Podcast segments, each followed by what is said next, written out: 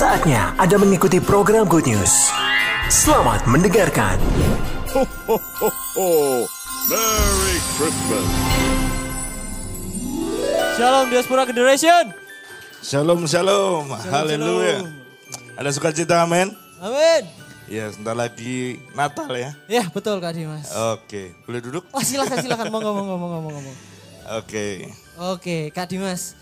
Ini Boleh, tuh boleh. tadi itu kita kan udah melihat banyak sekali arti Natal buat teman-teman yang lain ya Kak Dimas ya. Yes. Tapi eh, kayaknya ada satu pesan yang mau disampaikan sama Tuhan kita tentang Natal yang sesungguhnya. Apa sih Kak Dimas itu? Ya, oke. Natal itu eh, kalau kita tanya ya, eh, Ya. bahkan ada lagunya.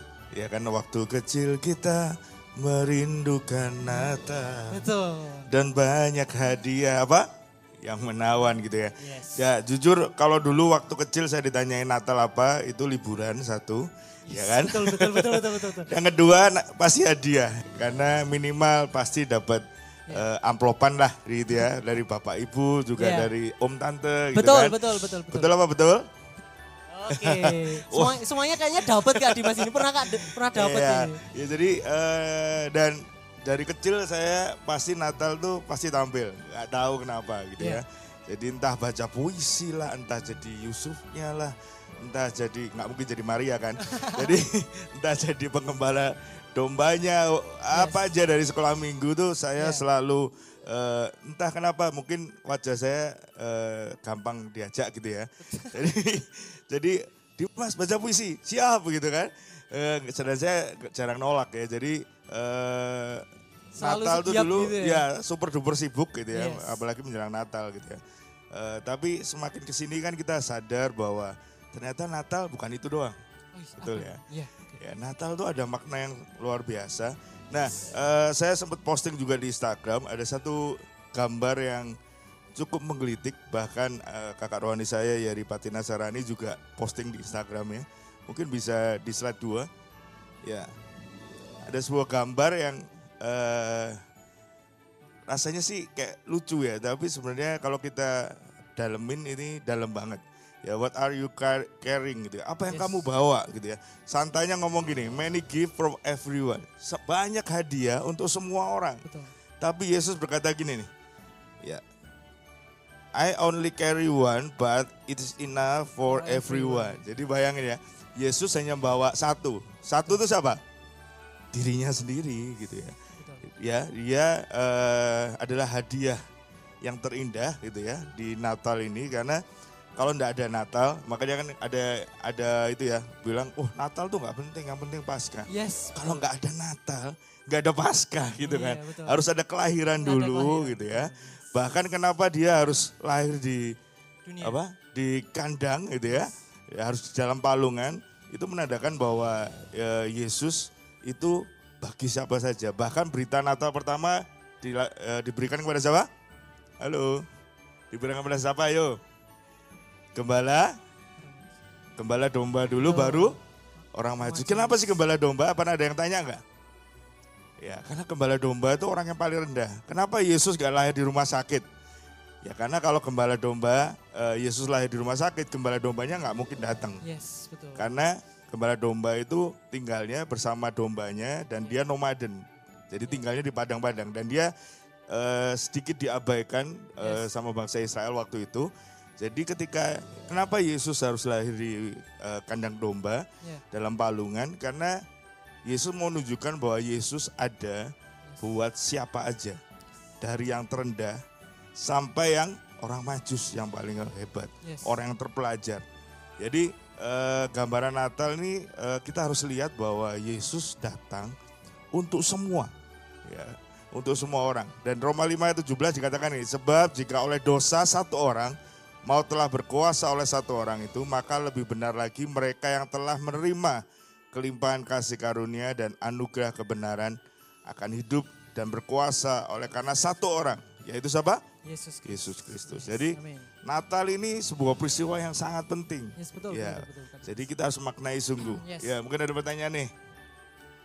Nah, oh ya bisa tanya juga nih, Oh, iya. ke mana? Oke, teman-teman kalau ya kan ini kan pasti punya arti yang beda-beda, arti Natal yang beda-beda, tapi ini yang terutama, guys. Boleh tanya ya kan, boleh bertanya, boleh asking kalau nggak tahu bahasa Indonesia ya kan. Nanti akan ditayangkan eh, suatu nomor bisa hubungi di situ, bisa tanya apa sih eh, mungkin ada yang bingung soal materi hari ini. Nah, ini- nanti ada di sini Dan yang YouTube juga boleh tanya Ya, ya. betul banget. Ya, di kolom chat ya nanti eh, dari tim multimedia juga akan ngechat juga Betul. nomor yang bersangkutan. Yes. ya, mungkin eh, mau tanya-tanya dulu nih. Ya, Dari mungkin Nathan. ada yang mau tanya. Oh, kalau aku sih belum sih kak. Kayaknya. Belum? Kalau- pertanyaan sih belum. Mungkin lebih agak mendalam lagi nanti eh, biar agak tambah bingung baru tanya. Nah, begitu. Ya, jadi eh, hari ini jangan sampai kita terjebak dari sebuah makanya kan eh, dunia ini lagi menggeser Christmas jadi apa? Happy holiday. Tuh. Ya. Jadi du- dulu tuh Merry Christmas, ho ho ho gitu kan. Hari ini digeser. Itu sebenarnya penggeseran makna. Ya zaman dulu kalau kita lihat itu selalu apa? Dekor Natal itu selalu apa? Yesus merah eh, sorry kok merah putih sampean. Yesus ya, Maria sama Yusuf Iya. ya dalam palungan gitu ya. Yes, betul. Tapi hari ini kita lihat ya banyak di mungkin di mall-mall ya kalau di gereja mungkin Yes, masih betul, ada. Yang yang muncul sama Santa Claus. Santa Claus gitu ya. Yang muncul apa? Pohon terang. Yang muncul apa? Banyak hadiah Betul, gitu kan. itu dia. Yang muncul adalah diskon. Ya itu itu yang mall. semua dicari semua orang Kak Dimas. Nah, nah kita jangan terjebak di eh, apa ya eh, hal-hal seperti itu gitu ya. Karena sepertinya digeser pelan-pelan. Sadar apa nggak sadar kita lagi Yes. digeser pelan-pelan. Nah, jadi apalagi Natal ini deket tahun baru ya. Ya, biasanya sale-nya kalau tahun baru dekati tahun baru tuh dari 50 jadi 70 persen. Betul, itu dia yang dicari Kak Kalau cowok-cowok carinya apa? Sepatu. Sepatu. Karena sepatu-sepatu bermerek biasanya diskonnya 70 persen. Betul. Ya, kalau cewek-cewek saya nggak tahu ya, apa ya, tas mungkin ya, Iya. Eh, apa pun gitu. Tapi kita jangan mau digeser dari makna Natal sesungguhnya bahwa Kristus itu telah lahir. Yes. Jadi sambil boleh tanya-tanya gitu ya, Yes. eh, di nomor yang ada tadi mungkin di boleh ditayangkan sekali lagi. ditayangkan sekali lagi. Jadi ingatlah bahwa eh, saya bukan melarang, oh berarti Santa nggak boleh ada di gereja, enggak, enggak. Tapi kita harus memaknai Yesus lebih utama Iya, daripada semua atribut. Yes. Loh pasang dekor gini boleh, boleh. Ada pohon terang boleh, boleh gitu loh. Tapi jangan lupa bahwa Natal itu bicara tentang Yesus. Gitu ya. Jadi dalam eh, saya mau menekankan lagi bahwa karena apa? Eh, kita akan bicara tentang tema hari ini adalah terang yang sesungguhnya. Kalau ada yang terang sesungguhnya berarti ada, ada yang Terang yang nggak sesungguhnya. iya ada yang palsu, atau Palsu. KW. KW, betul, Iya. betul, betul, betul. Jadi jangan sampai kita ini terjebak gitu ya. Ya jadi eh, terang yang KW itu apa? Ya, Misalnya Iya. ya kayak Santa Claus. Santa Claus kita tahu eh, sejarah panjangnya Betul. itu dari Santa Nik- Nikolaus ya. Iya betul. Itu yang Siap. berbaik hati dan meninggalnya tanggal 6 Desember. Makanya eh, dirayakan setiap 6, 6 Desember sebenarnya. Yes. Tapi karena itu mendekati Natal akhirnya jadi populer gitu ya.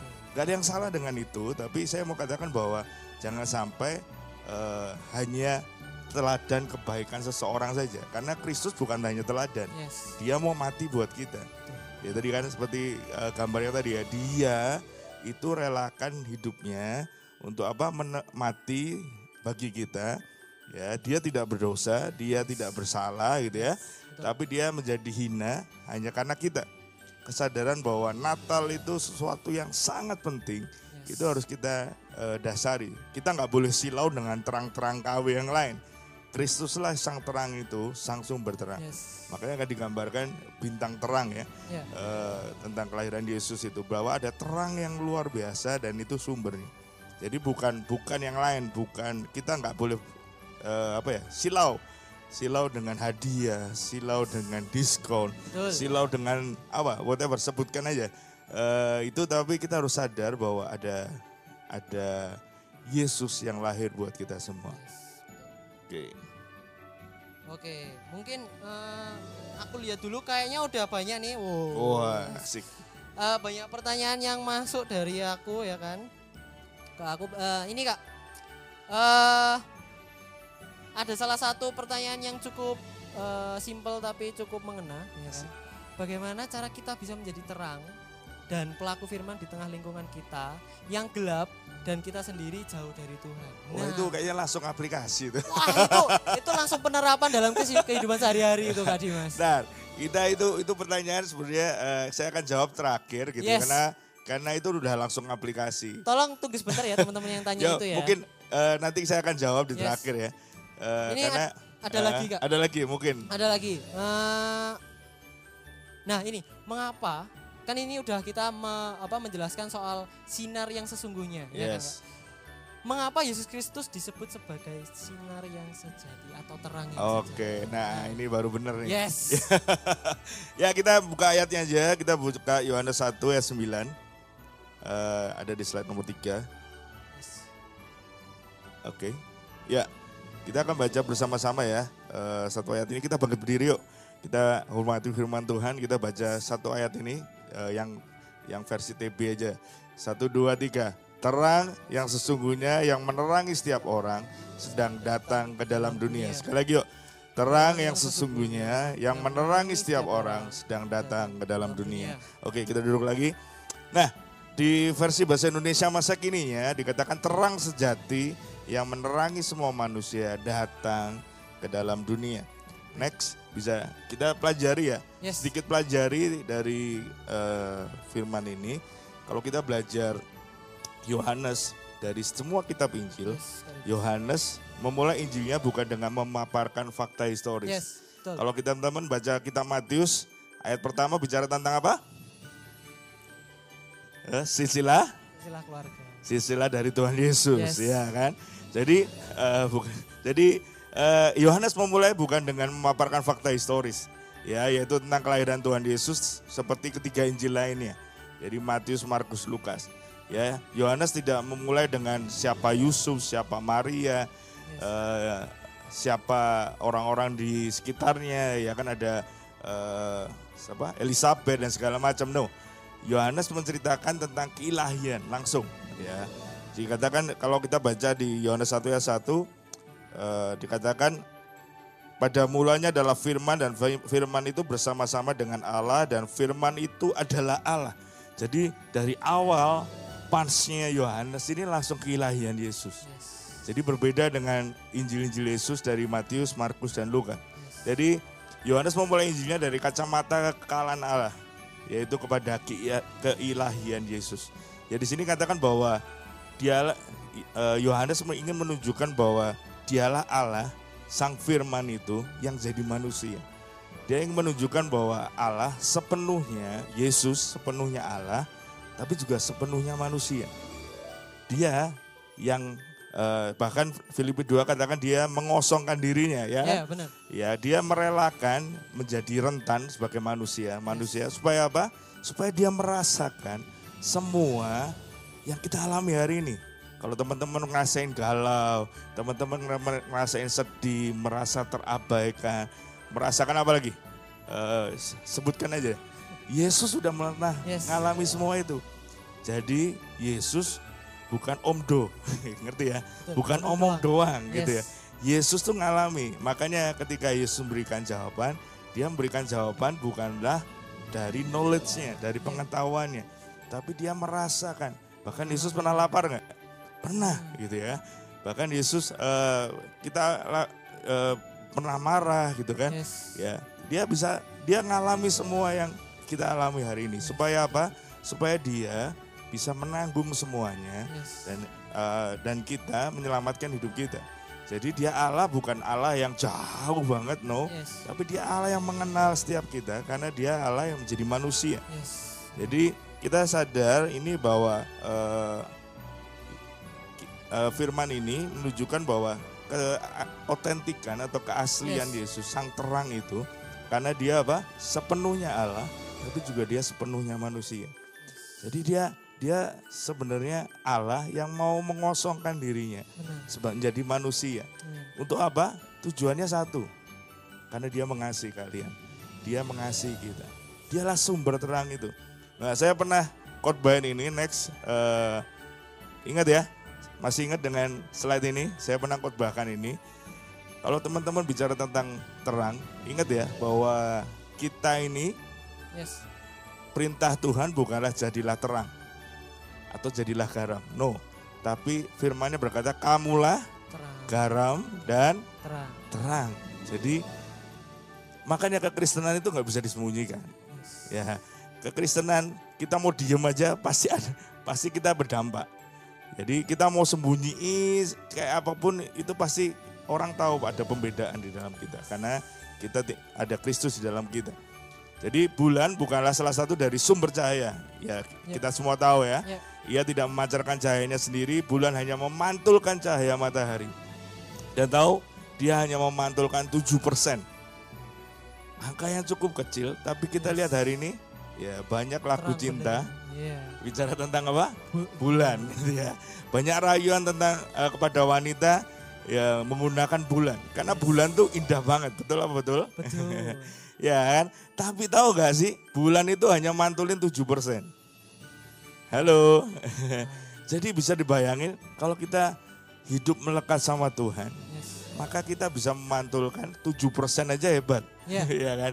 7% aja oh itu Udah terang banget. silau kan? banget Yes. men gitu kan. Jadi bisa dibayangin betapa dahsyatnya. Tugas kita adalah memantulkan cahaya yang dari Kristus itu. Yes. Dialah sang sumber itu.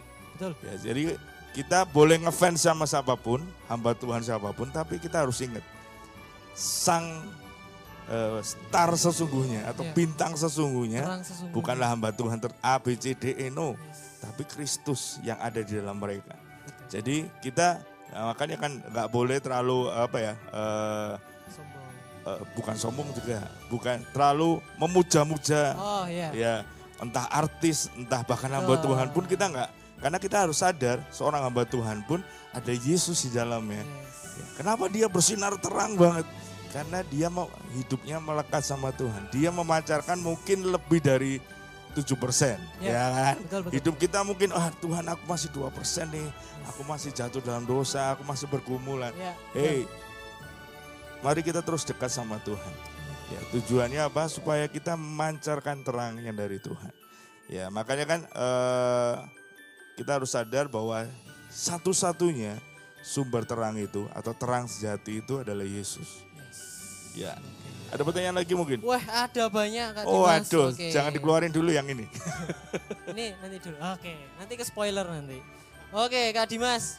Ini ada eh, satu, dua, oh, seratus. Waduh. Oke, ini adalah salah satu pertanyaan yang cukup eh, cukup relate ya kan, cukup terjadi di hidup saya ya kan. Kita udah membahas soal eh, Yohanes, Kak Dimas. Jadi ini pertanyaannya, apakah kita harus seperti Yohanes untuk memberitakan Injil yang kita terima? Seperti itu yang saya tangkap dari sini. Oke. Ya, kita harus seperti Yesus pasti. Yes, betul itu dia. Karena dialah eh, satu-satunya. Jadi, tapi Yesus bukannya teladan, ya. Kita harus menghidupkan Yesus dalam hidup kita. Yes. Ya, di- Yesus sang sumber terang itu harus tinggal di dalam kita, menguasai hidup kita. Jadi eh, kita bukan lagi harus miripkah seperti Yohanes Yes. atau bahkan kalau bilang harus miripkah seperti Yesus, oh harus mati menderita enggak. Ya. Kita harus sadar bahwa Kristus itulah yang memancar dalam hidup kita. Yes. Makanya kan ada istilah what will Jesus do? Pernah pernah dengar enggak ya? Itu eh, itu mungkin zaman saya lupa tahun 80-an ya. Itu ada kegerakan anak muda di Amerika, ada gelangnya kalau teman-teman cari mungkin di Google ada WWJD, what will Jesus do? Tapi eh, itu konsepnya bagus banget. Jadi kalau saya lagi disakiti, apa yang Yesus lakukan ketika disakiti? Yes. Oh ternyata mengampuni kan firman Tuhan. Ya. Tapi sebelum kita sadar kalau kita hanya WWJD, what will Jesus do? Kita hanya meniru tanda kutip Ya. apa yang dilakukan Yesus. Kita lupa bahwa ada uh, what Jesus do. Apa yang Yesus lakukan dulu buat kita, yaitu dia mati buat kita. Jadi sadari bahwa karena Kristus mati buat kita, maka kita bisa melakukan. Jadi tujuannya bukan menjadi seperti Yesus tuh bukan berarti oh kalau Yesus puasa 40 hari aku juga puasa 40 hari bukan fisiknya. Tapi kita harus sadar Yesus harus tinggal dalam kita. Yesus harus berkuasa dalam kita. Yesus yang harus menjadi pusat dalam kehidupan kita. Makanya eh, di poin pertama, nah ini boleh dibuka nih Ya. PPT-nya. di poin pertama saya bilang nih, terang sejati itu Yesus Kristus. Ya, betul banget. Hiduplah di dalam terang Yesus itu. Jadi eh, Yohanes 12 ayat 46 dikatakan gini, Aku telah datang ke dalam dunia sebagai terang. Ini Yesus ya. Supaya setiap orang yang percaya kepadaku jangan tinggal di dalam kegelapan. Yes. Jadi sadarilah bahwa Kristus itu sang sumber terang. Ya. Kalau Kristus tinggal di dalam kita, Betul, mungkin nggak kita gelap-gelapan? Halo? Mungkin nggak? Mungkin nggak kita masih eh, berkutat dengan dosa kalau Kristus tinggal dalam kita? Nggak mungkin. Nggak mungkin Nggak kan? mungkin. Nah, jadi jangan jangan eh, melakukan hanya karena takut. Yes. Oh, nanti kalau aku nyontek nanti aku nggak diberkati gitu kan. Betul. Kalau aku nanti eh, misalnya apa? Nyuri nanti eh, tanganku panjang sebelah enggak enggak. kita nggak lakuin itu Yes. karena apa? Betul, karena betul. terang itu di dalam kita. Makanya Ya. Nah, eh, ini saya waktu ngobrol sama Kak Marsha Manopo, dia ngomong gini nih, kadang otak manusia ini unik. Ketika se- semua sekarang dengerin saya, jangan pikirkan merah. Ingat ya di otak kalian, jangan pikirkan merah. Ya, oke sekali lagi ya, jangan pikirkan merah. Apa yang kalian pikirkan? Kuning. Yang pikirkan merah angkat tangan. Iya kan. Ya, sekali lagi ya. Yang yang udah tahu satu guru satu ilmu jangan ngomong kakak. Enggak, enggak. Saya mau bilang, sekarang jangan pikirkan hijau. Ya, ngomong dalam otak, jangan pikirkan hijau. Ya, jangan pikirkan hijau. Apa yang kalian pikirkan? Yakin. Bukan hijau. Yang hijau jujur ayo. Aku mikirin hijau sih kak. Iya benar kan. Karena kalau kita ngomong gini, jangan porno, jangan porno. Yang di otak Yes, kita betul. adalah porno gitu kan. Ya kan? Ngerti nggak? Ya. Jangan bohong, jangan bohong. Yang di otak kita adalah, yang kita lakukan adalah Berbohong. bohong. Makanya kita tuh nggak bisa lakukan eh, apa yang legalitas saja. Apa yang, oh kita tuh taat sama aturan. Yes. Nggak kita, kita akan kecapean dan kita akan satu titik kita akan jadi jenuh dan akan keluar dari kehendak Tuhan. Makanya eh, mengasihi Tuhan, makanya jadi kekristenan itu menyenangkan karena apa? Karena Kristus yang bekerja di dalam kita, Yes. bukan usaha kita. Bukan, oh makanya orang kalau mau keluar kan, mau keluar Ya. dari eh, hal-hal dosa biasanya semakin ngotot semakin Gagal. jatuh. ya betul? Betul. tujuannya bukanlah jangan jangan lakukan A B C D E no. Makanya tujuannya adalah mendekat sama Kristus. Yes. Kita makanya kekristenan bukanlah agamawi Yes. atau uh, religion tapi rel- relationship.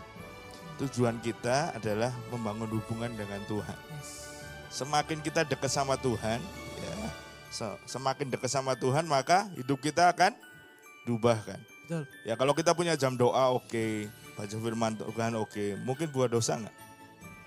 Nggak ada kesempatan gitu loh. Karena bukan karena ketakutan disambar petir enggak. Ya. Karena kita tahu kita mengasihi Tuhan begitu rupa. Kita nggak mau dong menyedi- buat Tuhan sedih Yes, gitu. yes, ya. yes. Dan kita Roh Kudus akan selalu mengingatkan ada alarm yang berbunyi, tuat tuat tuat gitu ya.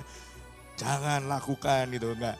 Tapi sadar atau enggak sadar bahwa ketika Kristus tinggal di dalam kita, Yes. kita tuh disadarkan bahwa eh kamu nih manusia berdosa, Yes. kamu butuh Tuhan. Ya. Jadi jangan lakukan sendiri. Ya, jadi eh, saya ini harusnya ini di akhir. Saya ini ada properti, Oke. properti khotbah. Jadi kadang kita tuh eh, seperti korek gas ini ya. Kadang ini cari saya cari emang korek gas yang udah sangat buntut supaya nggak bisa nyala. Nggak, nggak. Tapi kadang kita berusaha kan, uh, Ya. aku mau jadi terang, aku mau jadi terang, us Tuhan, aku us doa puasa, doa wes macam-macam betul, betul, ibadah betul. kalau bisa ada enam ibadah aku Yes. lakukan terus gitu kan. Menara doa segala macam kita lupa bahwa kalau kita bisa nyala itu bukan karena usaha kita. Ingat ya, kalau kita bisa lakukan semua itu karena Kristus di dalam kita. Yes. Makanya firman Tuhan katakan kalau kamu mengasihi aku, kamu apa? Akan menuruti sebagian. No, firmannya apa? Seluruh perintah. Jadi dasarnya tuh kasih, bukan usaha kita. Kita susah nih. Uh, wah Tuhan aku tuh mau nggak marah-marah loh. Tapi hari ini kok aku diserempet orang gitu. Yes, oh, betul. ngamuk-ngamuk aku ya kan. Apalagi ayo, eh, aku nggak mau nyontek. Yes. Tapi temanku pinter ya, eh, sebelahku ngasih contekan gitu ya. Terus maaf Oh, loh Tuhan, ya nggak bisa gitu ya. Kita mau nyalain terus nggak bisa. Kenapa? Karena usaha kita. Halo. Makanya terang sejati itu Yesus. Kita usahanya hanya mantulin. Ya kalau ada cermin, saya enggak mungkin bawa cermin ya. Iya. Kalau ada cermin, semakin deket, semakin kelihatan nggak? Semakin kelihatan. Kalau semakin jauh, Kelihatan. semakin nggak kelihatan. Kalau cahaya semakin deket, cahayanya semakin terang, betul? Yes, betul. Kalau semakin jauh, semakin kecil. Yes. semakin- Jadi sadarilah bahwa bukan usaha kita, nggak bisa loh. Iya, Ki nggak bisa. loh bisa, beneran nggak bisa. Karena bukan usaha kita. Jadi sekali lagi, Kristus lah harus jadi terang dalam kehidupan kita. Oke, ya. eh tadi slide nextnya kayaknya ada ada saya nulis ya Efesus Ya, Efesus 5, Efesus 5, 8 dan 9 katakan kalian sendiri dulu berada dalam kegelapan. Kita semua Yes. berdiri dulu kegelapan. Sekarang kalian sudah menjadi umat Tuhan. Jadi karena berada dalam terang. Jadi kita jadi umat Tuhan karena Kristus di dalam kita. Oleh karena itu kalian harus hidup di dalam terang. Jadi kalau kita ngaku Kristen, Kri- Yesus di dalam kita, maka di situ dikatakan kita harus hidup di dalam terang. Sembilan, sebab dari terang itulah terbit segala macam perbuatannya. perbuatan yang baik, adil dan tulus pada panda, pemandangan Allah. Jadi jangan kebalik nih. Kadang kita ngerasain, oh ngelakuin dulu yang baik, ngelakuin semua ritual Iya. agamawi yang baik, Betul, betul. supaya betul. kita ber, supaya kita bersinar. Yes. Halo, salah konsepnya nak. Yuk. Nggak nggak salah konsepnya teman-teman ya. Bukan gitu. Kita harus mendekat sama Kristus, jadikan Kristus sebagai pusat dalam kehidupan kita, maka otomatis ya, otomatis itu kita akan bersinar. Halo. Jadi bukan bukan yang kita kejar bukanlah kerajinannya. Ya. Rajin boleh nggak? Boleh, Boleh. tapi harus dari dasar kita mengasihi Tuhan.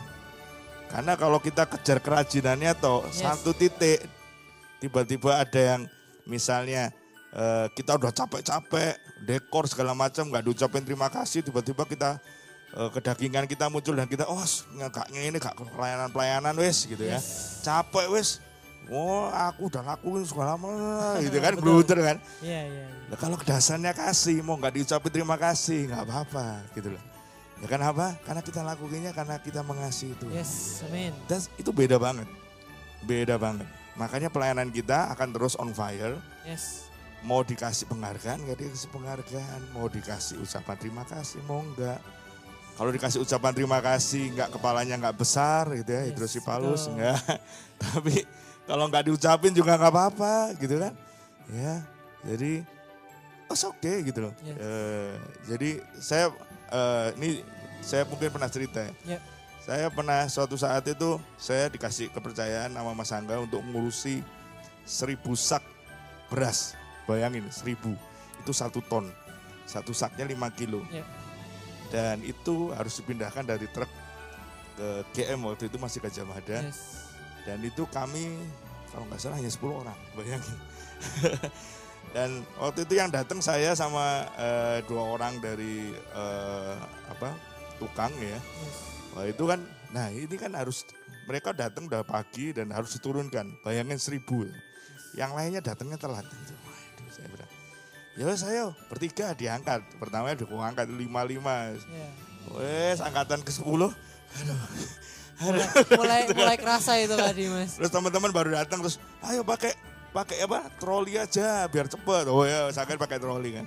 Terus setelah semua selesai, semua pindah dan semua beres, dikunci dan lain-lain. Terus saya tuh tiba-tiba kayak leleh gitu ya di rumah. Ya. Saya bilang sama Tuhan, Tuhan, aku ke pendeta loh Tuhan. Kok ngangkati beras sih? Ya, bilang gitu kan. Itu just iseng, maksudnya just eh, bukan bukan yang brutal gitu enggak. Iya. Hanya hanya eh, santai, kesel gitu kan. Yes, ngangkat beras banget. akhirnya gitu kan. Terus terus Tuhan ngomong gini, "Ya dulu kamu angkat-angkat nggak pernah komplain." Saya langsung, "Eh? Iya. iya. Dulu saya pelayanan pertama saya angkat-angkat sana. Yes. Jadi eh, di Jogja saya tuh angkat-angkat sound. Karena gereja saya dulu itu tidak punya tempat menetap, jadi Minggu Sabtu itu selalu angkat-angkat jam 12 malam, ya tergantung tergantung tempatnya selesai ready jam berapa gitu. ya. Saya angkat-angkat sound dan soundnya itu eh, mungkin 10 kali lipatnya ini ya gedenya karena nggak ada mereknya jadi saya sebut itu kebo dulu ayo angkat kebone gitu wah itu Siap, siap, gede banget Iya. es zaman dulu nggak ada mereknya gitu ya wah gede gak karu-karuan gitu ya Iya. nah kalau ada empat orang oh puji Tuhan tapi kadang ada hanya dua orang ya wah haleluya gitu kan ya diangkat Rasa ya banget Kak Dimas itu. Ya, apalagi tantangan terbesar kalau naik turun tangga. Waduh. Waduh, waduh, waduh, waduh. Tapi dulu saya ingat saya nggak pernah ngeluh. Gitu. Yes. Terus Tuhan ingetin, "Eh, dulu kamu nggak ngeluh, sekarang ngeluh. Oh iya iya, Tuhan, saya langsung bertobat. sudah. Kenapa? Karena eh, bukan itu gitu loh. Maksudnya bukan jabatan terus kamu jadi aneh gitu ya. Pernah saya tuh di CPM datang paling pagi, saya buka pagar. Sama Nathan tuh, Adi mas, pendeta kok buka pagar? Apa hubungannya? Tahu nono. Gak ada hubungannya, bukan Nathan kamu ya, Iya, Nathannya bukan gede. saya, bukan saya. ya, lo apa hubungannya? Gak apa-apa lah. Pendeta tuh jabatan aja gitu, gak apa-apa lah buka pagar. Yes. It's okay. Jadi saya mau katakan bahwa eh, bukan bukan terus naik jabatan. Makanya ada ada lucu nih ada teman saya Ya. bukan dari gereja ini. Dia tuh naik pendeta. Terus dia dia WA dengan polosnya saya ngasih. Jadi Mas, kalau udah jadi pendeta, terus saya harus bersikap apa sama anak-anak remaja saya? Saya bingung tau. Ya biasa aja bro, tak gitu. ya biasa aja nggak ada yang berubah gitu loh maksudnya. Ya otentik aja, nggak usah di, nggak usah dibuat eh sorry jadi melo nggak usah dibuat oh jaim jaiman nggak usah Yes. karena apa yang buat kita itu Kristus yang Kristus di dalam kita kita tuh hanya mantulin. Kalau mantulin ada hebatnya nggak sih? Nggak ada. Yang hebat siapa? Sang sumbernya kan? Ya, betul kita tuh nggak ada hebat hebatnya kalau kita hari ini dipakai Tuhan itu anugerah. Yes. jadi saya mau katakan dari eh, ini di penghujung eh, sorry di- bukan di penghujung ya. Ini di akhir ibadah di tahun ini ya. Saya mau katakan eh, buat tahun depan yang mau terlibat pelayanan, Yes. saya mau katakan ingat bahwa terang itu harus dari di dalam kita itu yang memancar. Bagaimana memancar terang Yes. dekat sama sang sumber. Itu aja kuncinya. Yes. Ya, jadi eh, saya mau katakan itu. Eh, ada pertanyaan lain mungkin? Oh, saya jadi Oke. banyak cerita nih. Gak apa-apa Kak Dimas. Eh, mungkin ceritanya Kak Dimas bisa jadi pengalaman buat ya- kami semua. Iya. Oke. Ini Kak Dimas ada pertanyaan ya kan. Nah, dari aku sendiri. dari aku sendiri kan. Udah cerita banyak banget soal pengalaman. Tadi juga pelayannya juga disenggol ya Kak Dimas ya. Nggak cuma jemaat aja tapi pelayannya ya. Tolong diingat tadi ya kan. Atau bisa nonton reka rema apa reka ulang tadi ya kan. Untuk mengingat menjadi rema kalian di kehidupan eh, esok-esok harinya. Oke. Oke, Kak Dimas, aku mau tanya nih. Kan tadi udah menja- eh, apa itu Yesus sebagai terang kita ya kan. Kita sebagai pemancar dari Tuhan Yesus itu sendiri ya kan Kak Dimas. Nah, eh, gimana sih eh, caranya tahu kita udah bisa jadi terang, udah bisa jadi eh, udah bisa memancarkan sinarnya Tuhan untuk kes, apa untuk sekeliling kita untuk ya mungkin daerah rumah kita atau teman-teman kita gimana sih cara lihatnya gitu Ya, ini pertanyaan bagus yes karena susah loh ya. oh ya ya, karena gini, eh, kalau kalian eh, silau, misalnya naik sepeda motor terus ada Ya. yang ada yang ngedim ya bahasa Ya, betul, betul. apa itu namanya bahasa Indonesianya apa ya? bener ngedim nggak bener bener. ngedim ya. iya Nah kalian akan ngerasa silau kan. Betul. Nah eh, silau itu nggak bisa dilihat dari diri kita sendiri. Oh aku udah jadi teladan. Oh, oh yes, aku udah bersinar. Nah Yes. isa, nah isa. Harus orang lain. Ya, betul. Harus orang lain yang menilai. menilai. Makanya kan eh, itulah pentingnya unity. Ya kenapa? Karena unity itu kita bisa saling ngingetin. Ya. Ngingetin nih. Eh terangmu agak redup ya. Ya, ya. ya. Atau kamu kok biasanya semangat kok lemas. Ada apa? Gitu ya. Nah mungkin yang lagi terangnya berebet-berebet gitu Iya. ya. ya. lagi Atau redup-redup redup-redup karena mungkin eh, ketutup masalah gitu ya. waduh Ya kan eh, deket sama Tuhan tapi eh, masalahnya kayaknya lebih besar Waduh, jadi duh, duh, duh, nutupi nutupi terang Tuhan gitu kan. lebih fokus ke Nah. masalahnya sih kayaknya itu kan Yang bisa tahu tuh temen komsel kalian. Iya. Jadi jadi kalau mau jadi gimana sih aku udah berdampak belum? Nah, kehadiran kita itu membawa sukacita, membawa eh, kesuraman. Iya. ya kan. Jadi makanya itu pentingnya komunitas. Yes. Makanya itu itulah tugasnya komunitas untuk mengingatkan, untuk saling care, Yes. untuk melihat eh wah keren ya kamu misalnya misalnya diangkat jadi oh ketua apa PMK Yes. di kampus. Wah, itu kan udah kelihatan tuh ada ada ada sebuah kepercayaan Iya, gitu kan. betul. Nah, itu kita support terus gitu ya. Tas- Itulah pentingnya komunitas gitu ya. Saya pun juga punya komunitas gitu ya. Selain selain MK saya, saya juga eh, ada beberapa mentor rohani yang tidak continue gitu ya. Yes. Tidak continue saya ketemu sebulan sekali tapi mereka kalau saya ada masalah saya selalu Cerita. telepon dan dia kasih solusi yang menurut saya eh, di luar nalar saya karena kalau nuruti daging kayaknya uh susah banget gitu ya. Betul. Ya, salah satu yang eh, saya sering telepon itu Kak Fari Velani. Hmm. Terus eh, sekarang agak jarang. Dulu zaman-zaman eh, awal itu Panit Patina Sarani sering saya telepon, Yes. Abeng sering saya telepon. Karena apa? Karena mereka bagi saya lebih senior satu, Eh, dua kadang eh, mereka sudah ngalami banyak Yes. banyak pelayanan yang kadang kalau saya punya masalah di pelayanan mereka punya jawaban yang jadi orang kalau lihat dari atas itu masalahnya jadi kelihatan. Yes. Ya. Betul. Jadi saya kadang kalau ngerasa ada masalah atau apa butuh orang yang bisa lihat dari sudut pandang yang Sudut lebih pandang tinggi yang- Yes. supaya eh, saya dapat masukan yang baik. Jadi makanya itu pentingnya kakak-kakak rohani. Di sini ada kembala-kembala Unity gitu Betul. ya. Jadi saya masih berkomunitas sampai hari ini. Mas Angga juga kalau saya punya masalah saya juga selalu calling gitu kan. Dari saya minta masukan Mas Yopo enaknya gini-gini. Jadi eh, kita punya komunitas itu untuk saling melekatkan. Saya juga saya juga ber-MK ya. Jadi saya juga kembala wilayah jadi Yes. Betul. jadi banyak banget gitu ya. Saya Ya. juga lagi buka MK Dewasa Muda juga bersama teman-teman gitu ya yang Ya. eh, baru menikah juga. Jadi eh, saya punya komunitas eh, yang bisa menguatkan. Tidak hanya kita yang menguatkan, tapi eh, kita saya juga ketika saya down, ketika kayak kemarin ibu saya lagi sakit Ya. kritis, saya langsung kontak beberapa teman untuk doain. Gitu. Bahkan ketika nggak ada pun saya telepon mereka gitu ya. Itu mereka yang saya telepon pertama kali. Gitu. Karena bagi kita kita tuh nggak bisa hidup sendiri. Ya. Yes. Ya jadi Yesus di dalam kita dan kita tinggal dalam komunitas itu yang terpenting sih. Oke kak, ini eh, mungkin bisa lanjut dulu untuk eh, Oke, saya langsung lompat aja ya kayaknya. Eh, saya eh, langsung aja deh ke poin dua. Poin dua tuh nggak eh, sebelumnya coba. Nah, responmu menentukan Yes. bersekutu dengan terang atau hidup dalam gelap. Tadi saya sudah ngomong ya.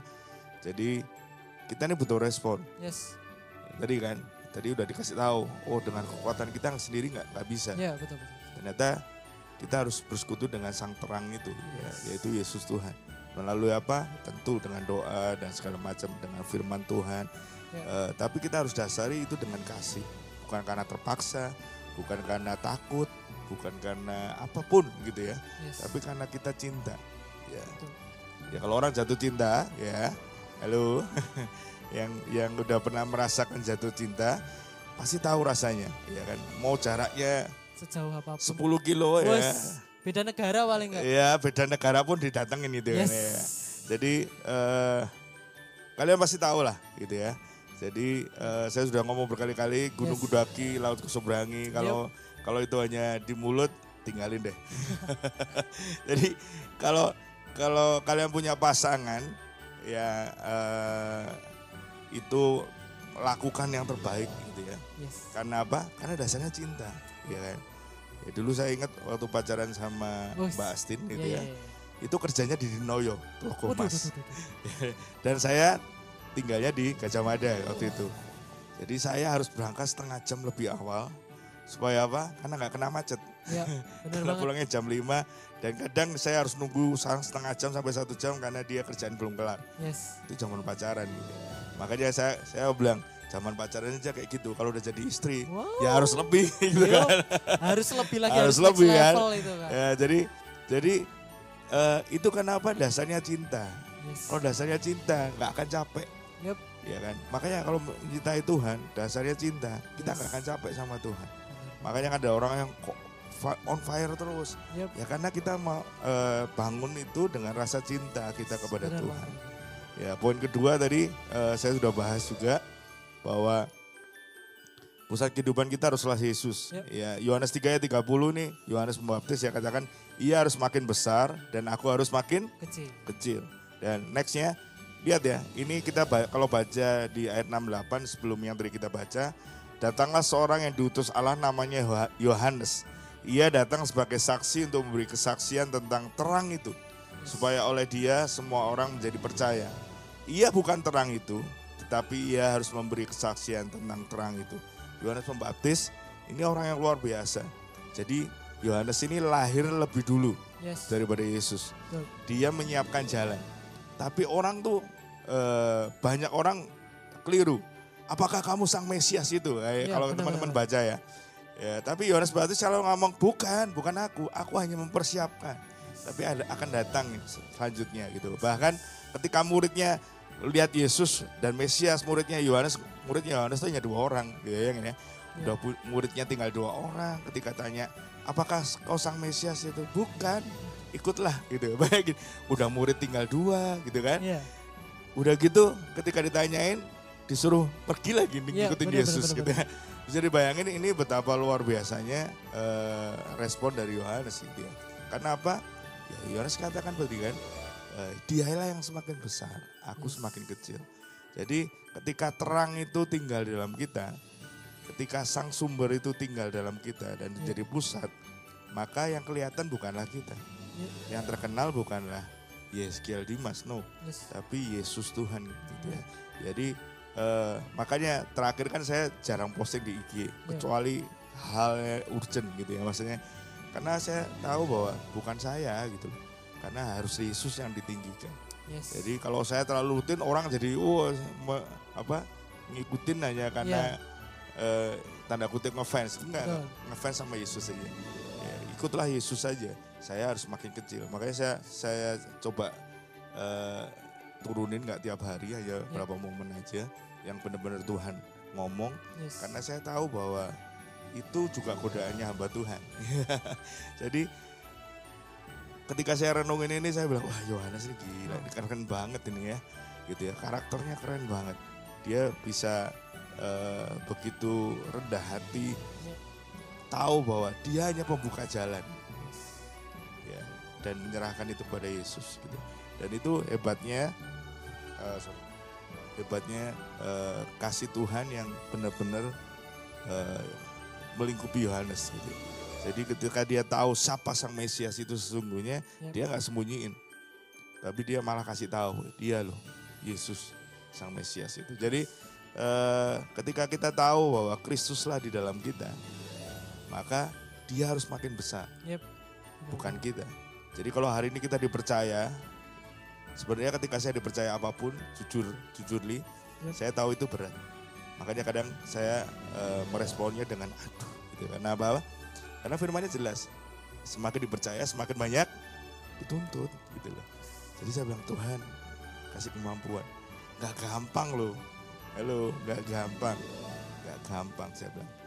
Ketika makanya beberapa kali eh, kalau saya dipercaya sesuatu, saya selalu eh, bukan happy, tapi saya langsung Tuhan kasih kemampuan. Yes.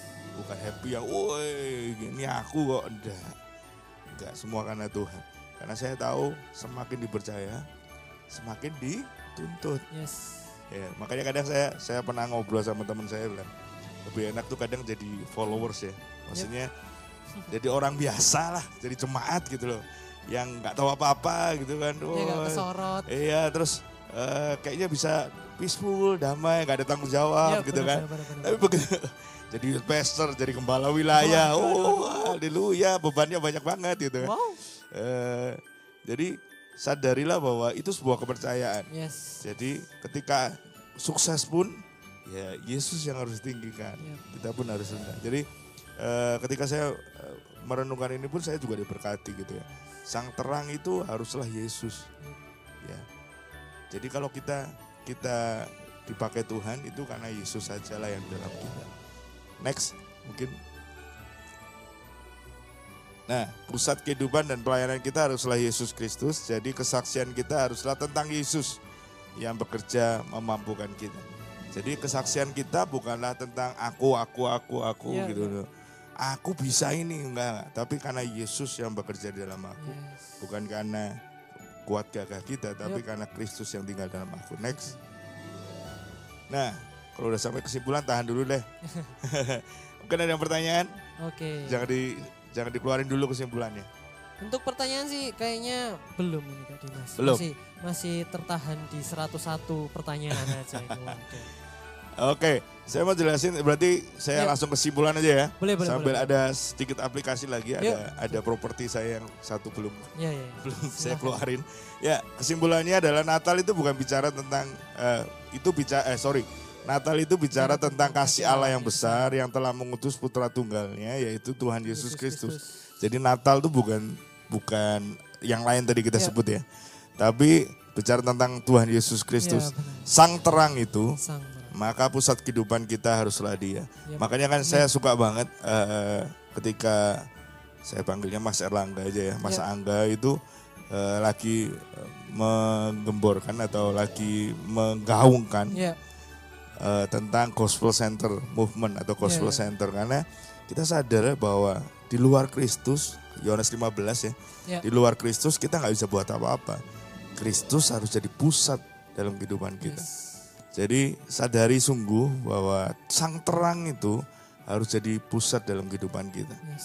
Jadi ketika kita bangun kedekatan dengan Tuhan semakin intim, Ya. maka kita akan dibuatnya semakin luar biasa. Oh, iya. Ya, eh, next mungkin. Nah aplikasinya, nah, karena Yesus sang terang sejati tinggal dalam kita, maka tugas kita adalah memantulkan terangnya, bersaksi, menuntun orang lain menuju pada Yesus sang terang, juru selamat itu. Jadi ingat ya, kita ini lilin-lilin kecil, Iya. ya. Kita ini adalah terang-terang kecil Iya. yang Tuhan mau pakai di tengah Yes. dunia ini. Supaya apa? Supaya orang melihat atau orang melihat Sang Kristus terang besarnya itu, Yes. terang sejati itu. Jadi kita ini seperti penuntun, penunjuk arah. Iya. Ya kalau ada pesawat, Pesawat. mau landing kan harus ada Iya. lampu kecil-kecil Iya. gitu kan. Betul. Itu supaya apa? Supaya landingnya tepat, jret Yep. gitu kan. Nah sama kita nih, eh, jadi tujuannya kalau kita hari ini bersinar, Yes. itu bukan kita, tapi Kristus. Yes. Jadi tugas kita membawa orang kepada Ya. Kristus. Betul. Tugas kita membawa eh, kesaksian kita untuk kepada Kristus, sang terang ajaib. Yohanes 1 ayat 7 katakan iya, Yohanes datang mewartakan tentang terang itu supaya semua orang percaya. Jadi luar biasanya eh, Yohanes itu datang bukan untuk mewartakan tentang dirinya, tapi Yes. mewartakan tentang Yesus sang Mesias. Semua supaya semua orang percaya kepadanya. Makanya sekali lagi kitab Yohanes, Injil Yohanes, Injil Kristus menurut Yohanes ini sebagai satu-satunya yang menjelaskan keilahian Yesus. Yes. Betul. Ya. Injil yang lainnya bicara tentang silsilah, Injil Ya. lainnya bicara tentang kelahirannya di Bethlehem, ya kan eh, detail orang-orangnya siapa aja Ya, gitu ya. Tapi Yohanes ini langsung eh, tujuannya keilahian Yesus. Yes. Jadi kita lihat bahwa dialah sang terang itu. Nah, dalam candlelight kita sadar nggak sih bahwa sebenarnya ada makna tersendiri dari candlelight. Kenapa sih Christmas harus ada candlelight? Yes. Sebenarnya kenapa sih Christmas? Ingat ya, kita bayangin candlelight itu gimana sih? Biasanya gembala Ya. kasih ke pendeta, kasih Betul. ke diakan, bla bla bla, baru seluruh jemaat, betul, ya? Betul. Yes. Sebenarnya itu gambaran bahwa sang terang itu di dalam kita melalui gembala senior kita Yes. itu diberikan kepada pemimpin-pemimpin di bawah kita. Eh, Yes. di, sorry di atas kita, ya bahkan sampai gembala MK kita, UK gembala Unity kita. Yes. Dan gembala Unity itu menyalakan kepada kita. Jadi kita harus sadar bahwa ada terang di dalam kita. Fungsinya bukan mejeng-mejengan, udah. Iya, benar. Fungsinya bukan terang-terangan, no. Tapi fungsinya adalah menyalakan terang-terang lain yang masih mungkin redup, mungkin eh, mungkin bahkan belum nyala karena belum Yes. percaya kepada Kristus. Kita hanya mau bagikan. Dan dari peristiwa Candlelight, sebenarnya kita mau katakan bahwa kita mau bagikan terang itu kepada orang sekitar. Natal bukanlah tentang kita, tapi bicara tentang Yesus, Yes. sang terang itu. Dan tugas kita adalah membagikan.